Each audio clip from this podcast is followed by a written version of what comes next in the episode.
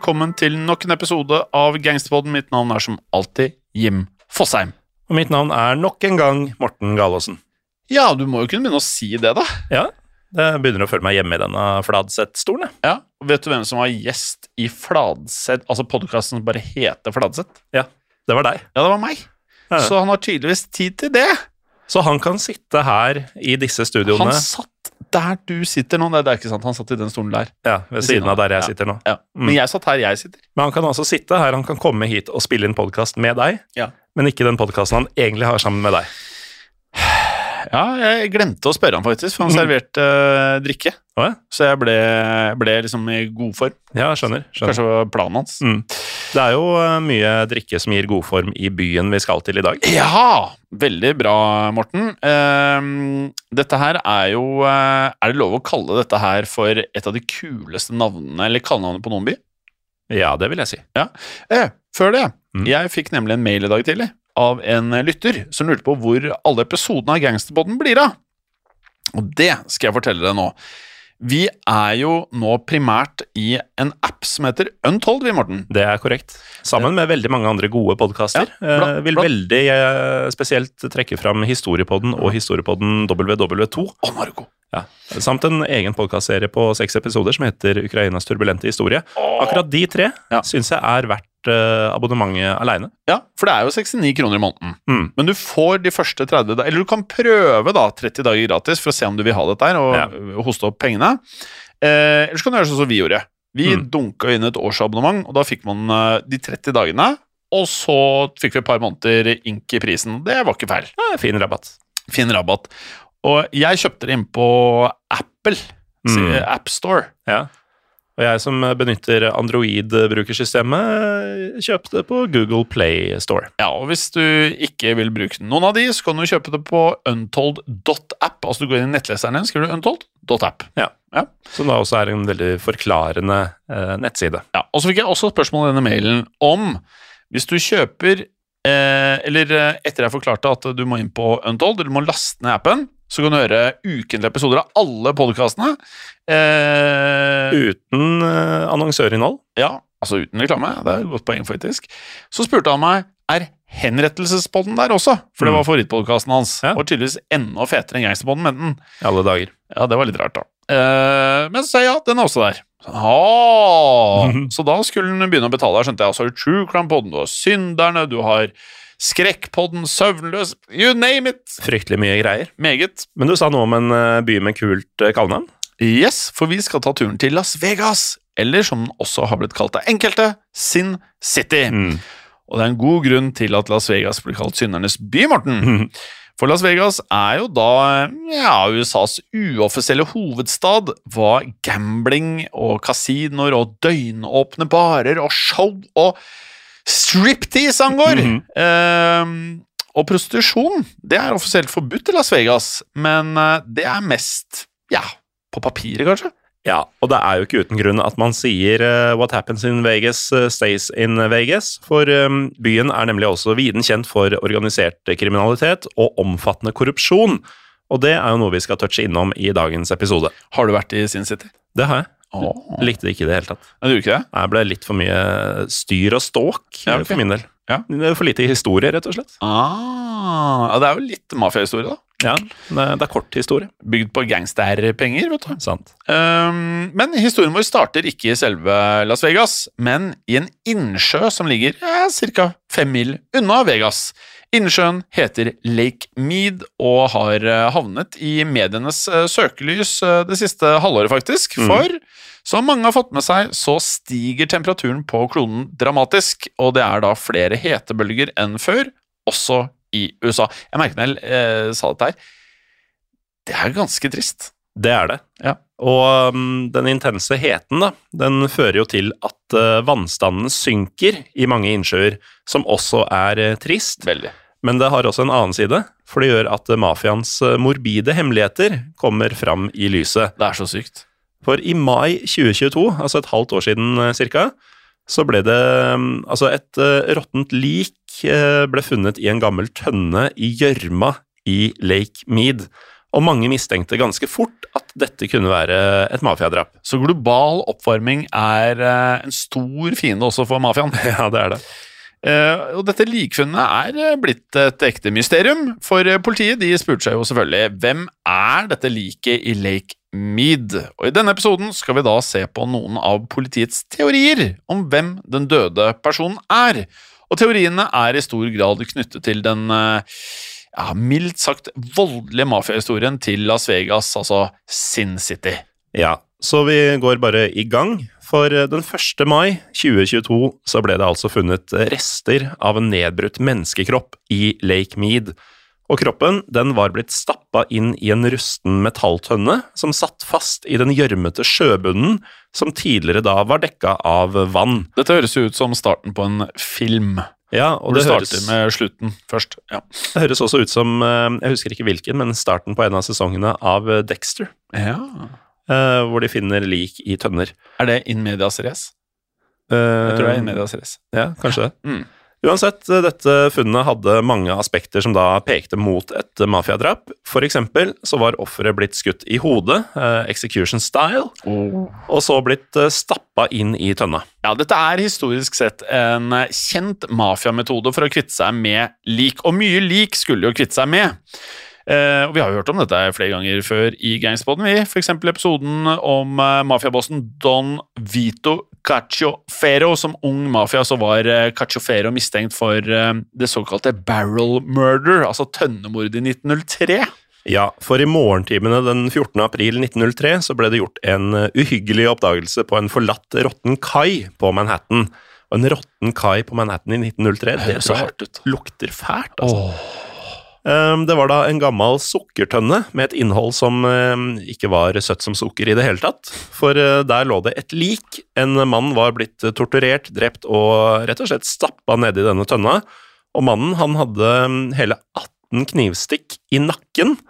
Og hadde fått halsen skåret over fra øre til øre. Altså det er nesten en halshogging, dette her. Altså, det er så voldelig. Mm. Eh, Liket i tønne i Lake Mead var ikke blitt utsatt for en like brutal eh, behandling, men eh, det var liten tvil om at det luktet eh, mobsters lang vei her.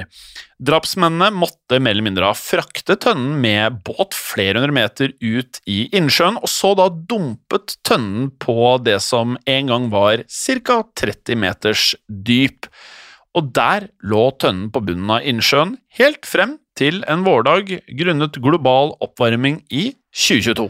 Ja, og det var jo tydelig at den eller de som dumpa liket, forventa at denne hemmeligheten ville holde seg skjult for alltid, og vanligvis så lykkes nok mafiaen i å skjule sine spor, men denne gangen skulle altså de nevnte klimaendringene stå i veien. Ja, Politiet de begynte naturligvis å etterforske liket av den ukjente mannen, og de fikk flere ledetråder til hvem det kunne ha vært, og hvem som kunne ha drept han. For liket hadde fortsatt på seg en skjorte, et belte og sko som da mer eller mindre satt klistret til kroppsrestene. Og etterforskerne de fastslo at klærne ble kjøpt på midten eller slutten av 1970-tallet i en Kmart lavprisbutikk. Eh, og mannen virket altså ikke å ha vært spesielt rik, motebevisst, eh, mafiaboss eller lignende. Nei, eh, klesfunnet antyda at drapet skjedde en gang mellom midten av 1970-tallet og begynnelsen av 1980-tallet, og det sammenfalt med den mest voldelige perioden i Las Vegas eh, fortid. Dette var en epoke med veldig mye gatekriminalitet og mange drap i eh, byens underverden. I denne tidsperioden var det altså da mange mafiarelaterte drap, selvfølgelig, og det er minst tre drapsofre som peker seg ut som mulige kandidater, Morten. Mm. Og dette er tre menn som hadde koblinger til mafiaen, og de forsvant mer eller mindre sporløst i denne tidsperioden. For likene deres ble aldri funnet. Og disse tre mennene de har også noe annet til felles. De var alle tilknytta den, eh, den tidens eh, største mafiaoperasjon i Las Vegas, Argent Corporation. Argent eh, Corporation var et frontselskap for organisert kriminalitet, og selskapet drev noen av de mest profitable gamblingoperasjonene i hele Las Vegas. Det er helt riktig, og dette er meget kuriøst. da. Mm. Jeg håper dette her, eh, for dere som er veldig interessert i emnet, dette her må jo være mer eller mindre gull. Ehm, for vi må nå stoppe litt opp og forklare hva Argent drev med, og hvordan mafiaen i Las Vegas faktisk opererte. Både fordi det gir litt kontekst for de tre ofrene vi skal snakke om etter hvert, men også fordi det er en god historie, rett og slett. For helt siden mafiaen da kom til Vegas mm, omkring 40-tallet, så ble hele byen sett på som en eh, åpen by, rett og slett. Altså, man kunne gjøre hva man ville, Mm. eh, spesielt da i øynene til mafiabossene. Og en åpen by var da et sted der mafiafamilier ble enige om å ikke slåss om territorier, slik de ofte gjorde i byer som New York og Chicago, så det var ikke røtter eh, til noen familie fra tidligere i Vegas.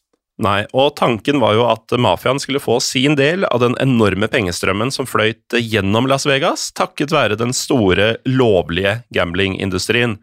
På 1970-tallet så etablerte Chicago Outfit seg i Las Vegas. Og Chicago Outfit det var et organisert eh, krimsyndikat basert i Illinois, som eh, dateres tilbake til Al Capones dager på 1920-tallet.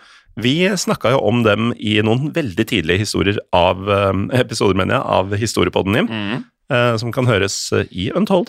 Ja, de heter vel The Valentine's Day Massacre, Ja, blant annet.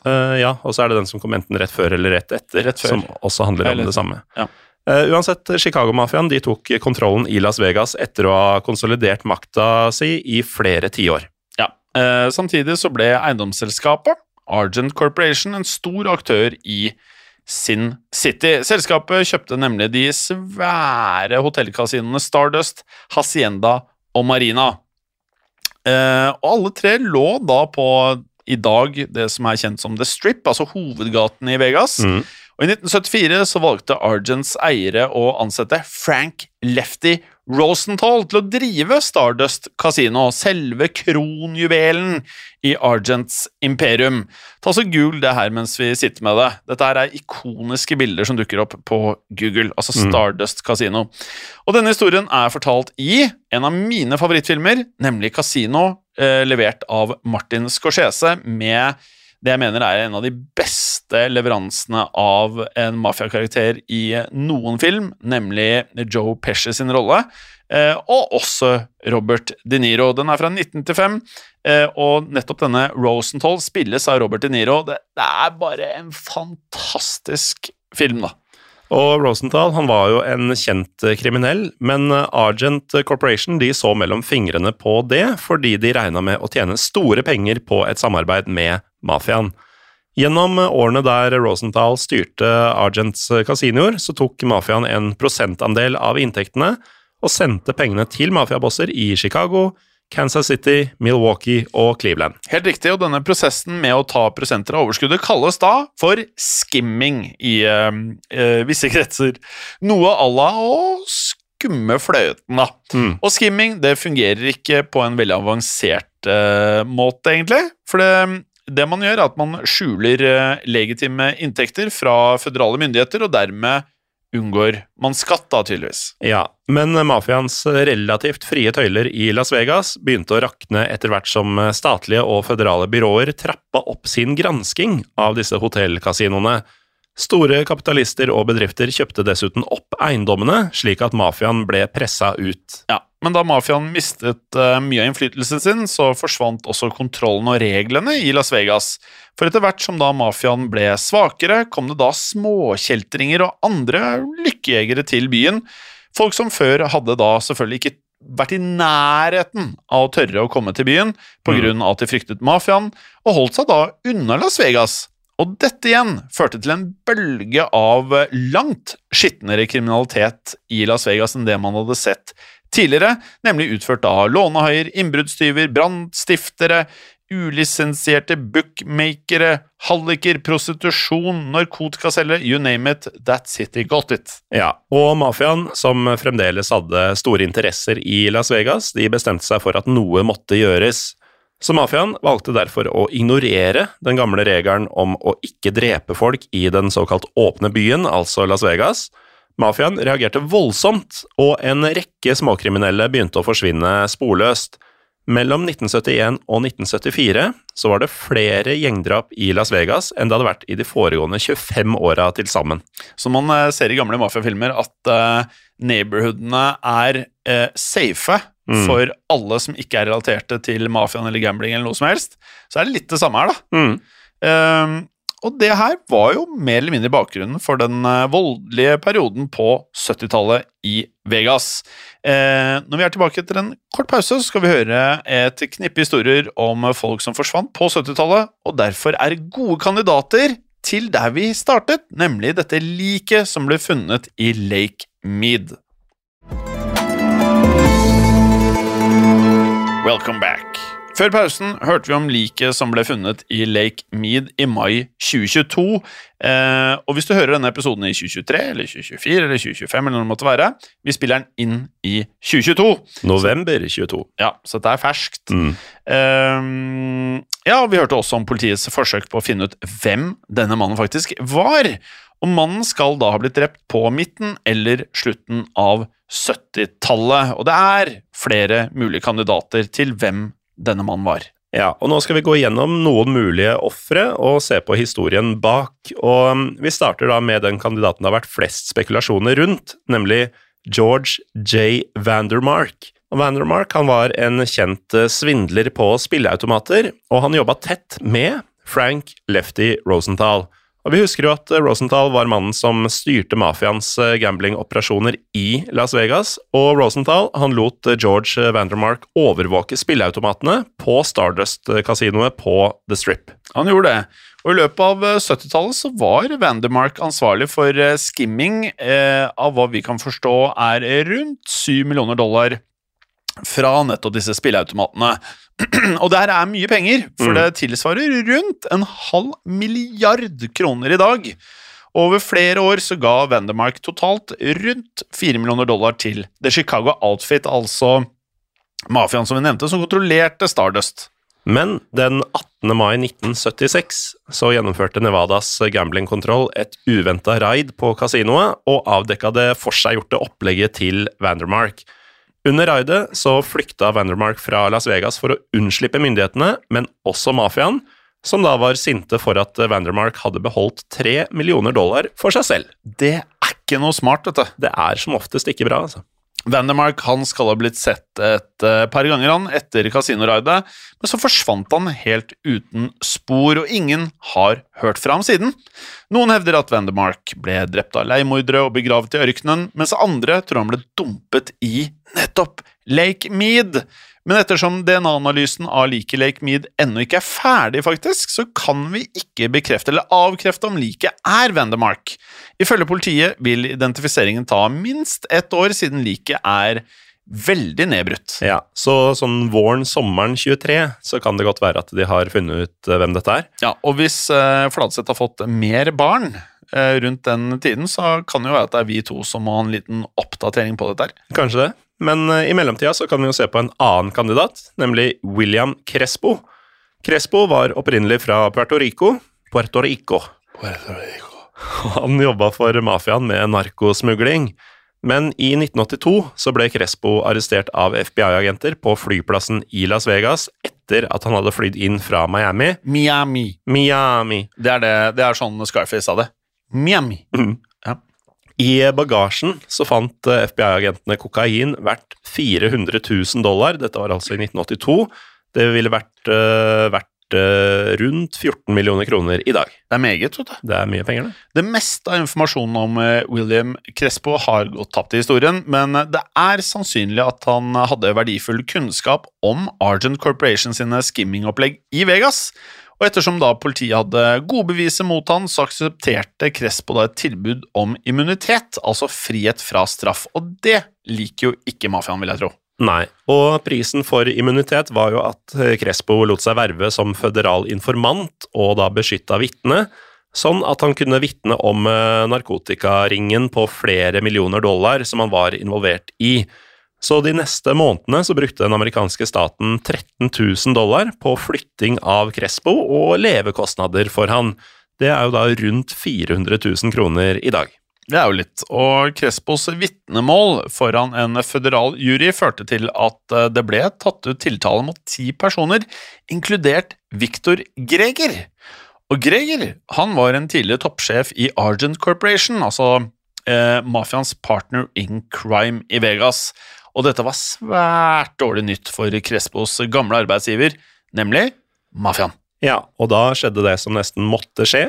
Plutselig en dag så forsvant Crespo, som skulle vitne i, i rettssaken mot eh, Greger i juni 1983. Og av Crespos eh, manglende oppmøte i retten, så hadde den føderale dommeren ikke noe annet valg enn å frafalle anklagene mot syv tiltalte som erkjente seg ikke skyldig. Crespo ble aldri funnet, og noen mener derfor at han endte opp på bunnen av Lake Mead. Mm. Eh, det også virker jo plausibelt. Mm. Eh, Men selv om både George Vandermark og William Crespo er gode kandidater, er den neste på listen enda mer sannsynlig, faktisk.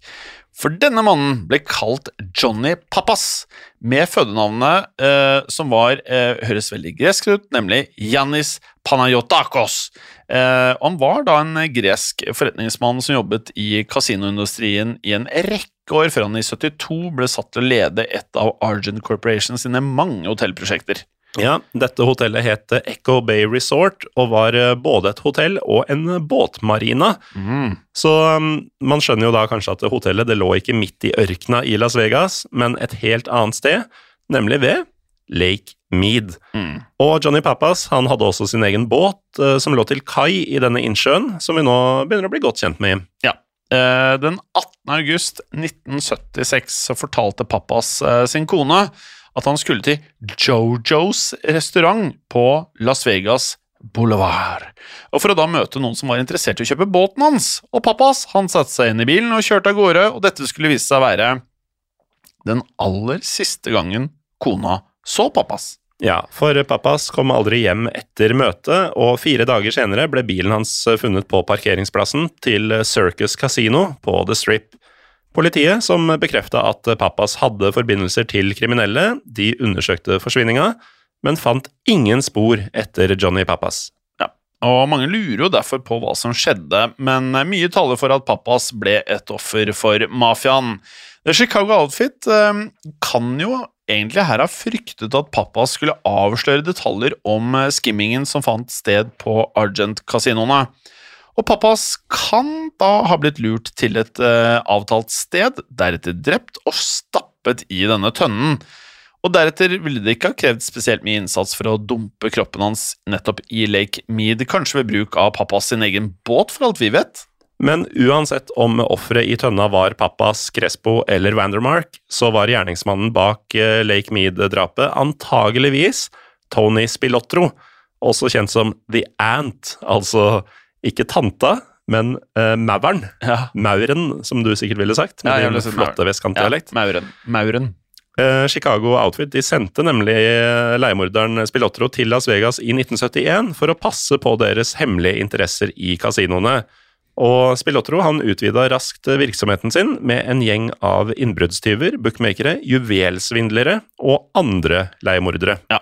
På midten av 70-tallet jobbet Spilotro i kulissene for å sikre at eh, millioner av kontanter som ble hentet inn fra kasinoer i Las Vegas, skulle finne veien til mafiafamilier i Chicago, Kansas, Milwaukee og Cleveland. På rundt samme tid så skjedde det masse mafiadrap over hele USA.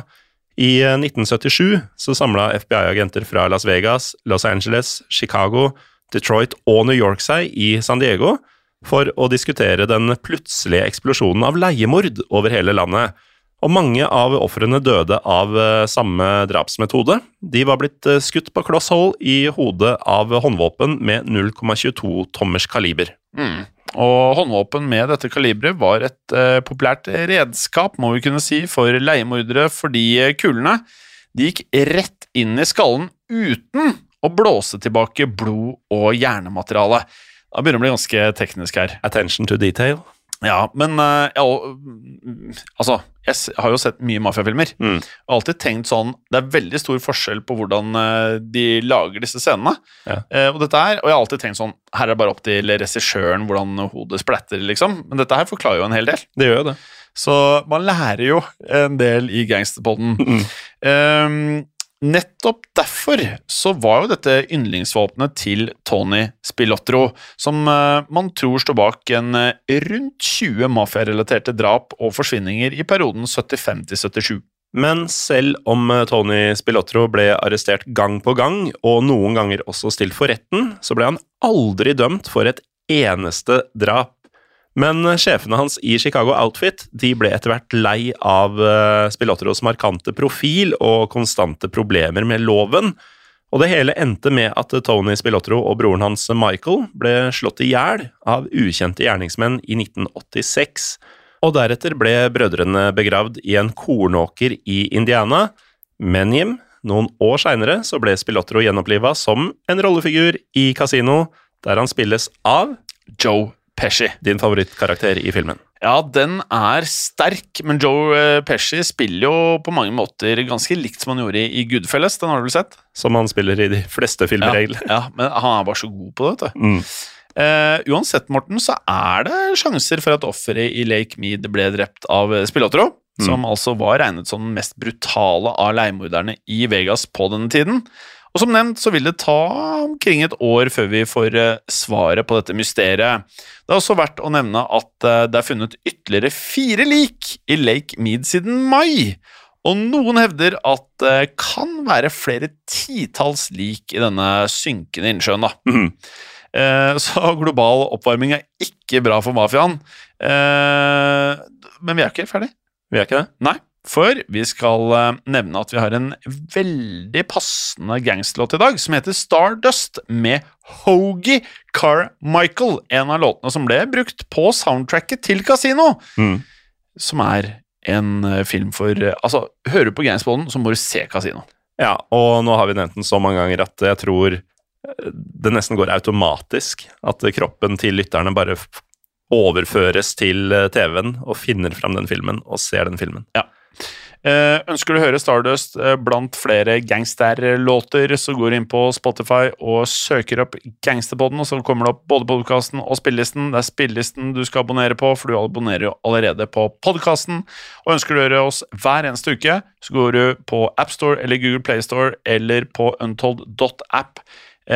legger inn kortet ditt hvis du ønsker å abonnere fra første stund, eller tar de 30 dagene med gratisabonnement. Eller så kan du flikke opp for et helt år. Da det kan du. Ja, det går for mye rabatt. Og da slipper du også å sove med fiskene. Nettopp. Eh, men du kan jo holde gangster samtidig. Mm. Fint, det. Ja det. Hei.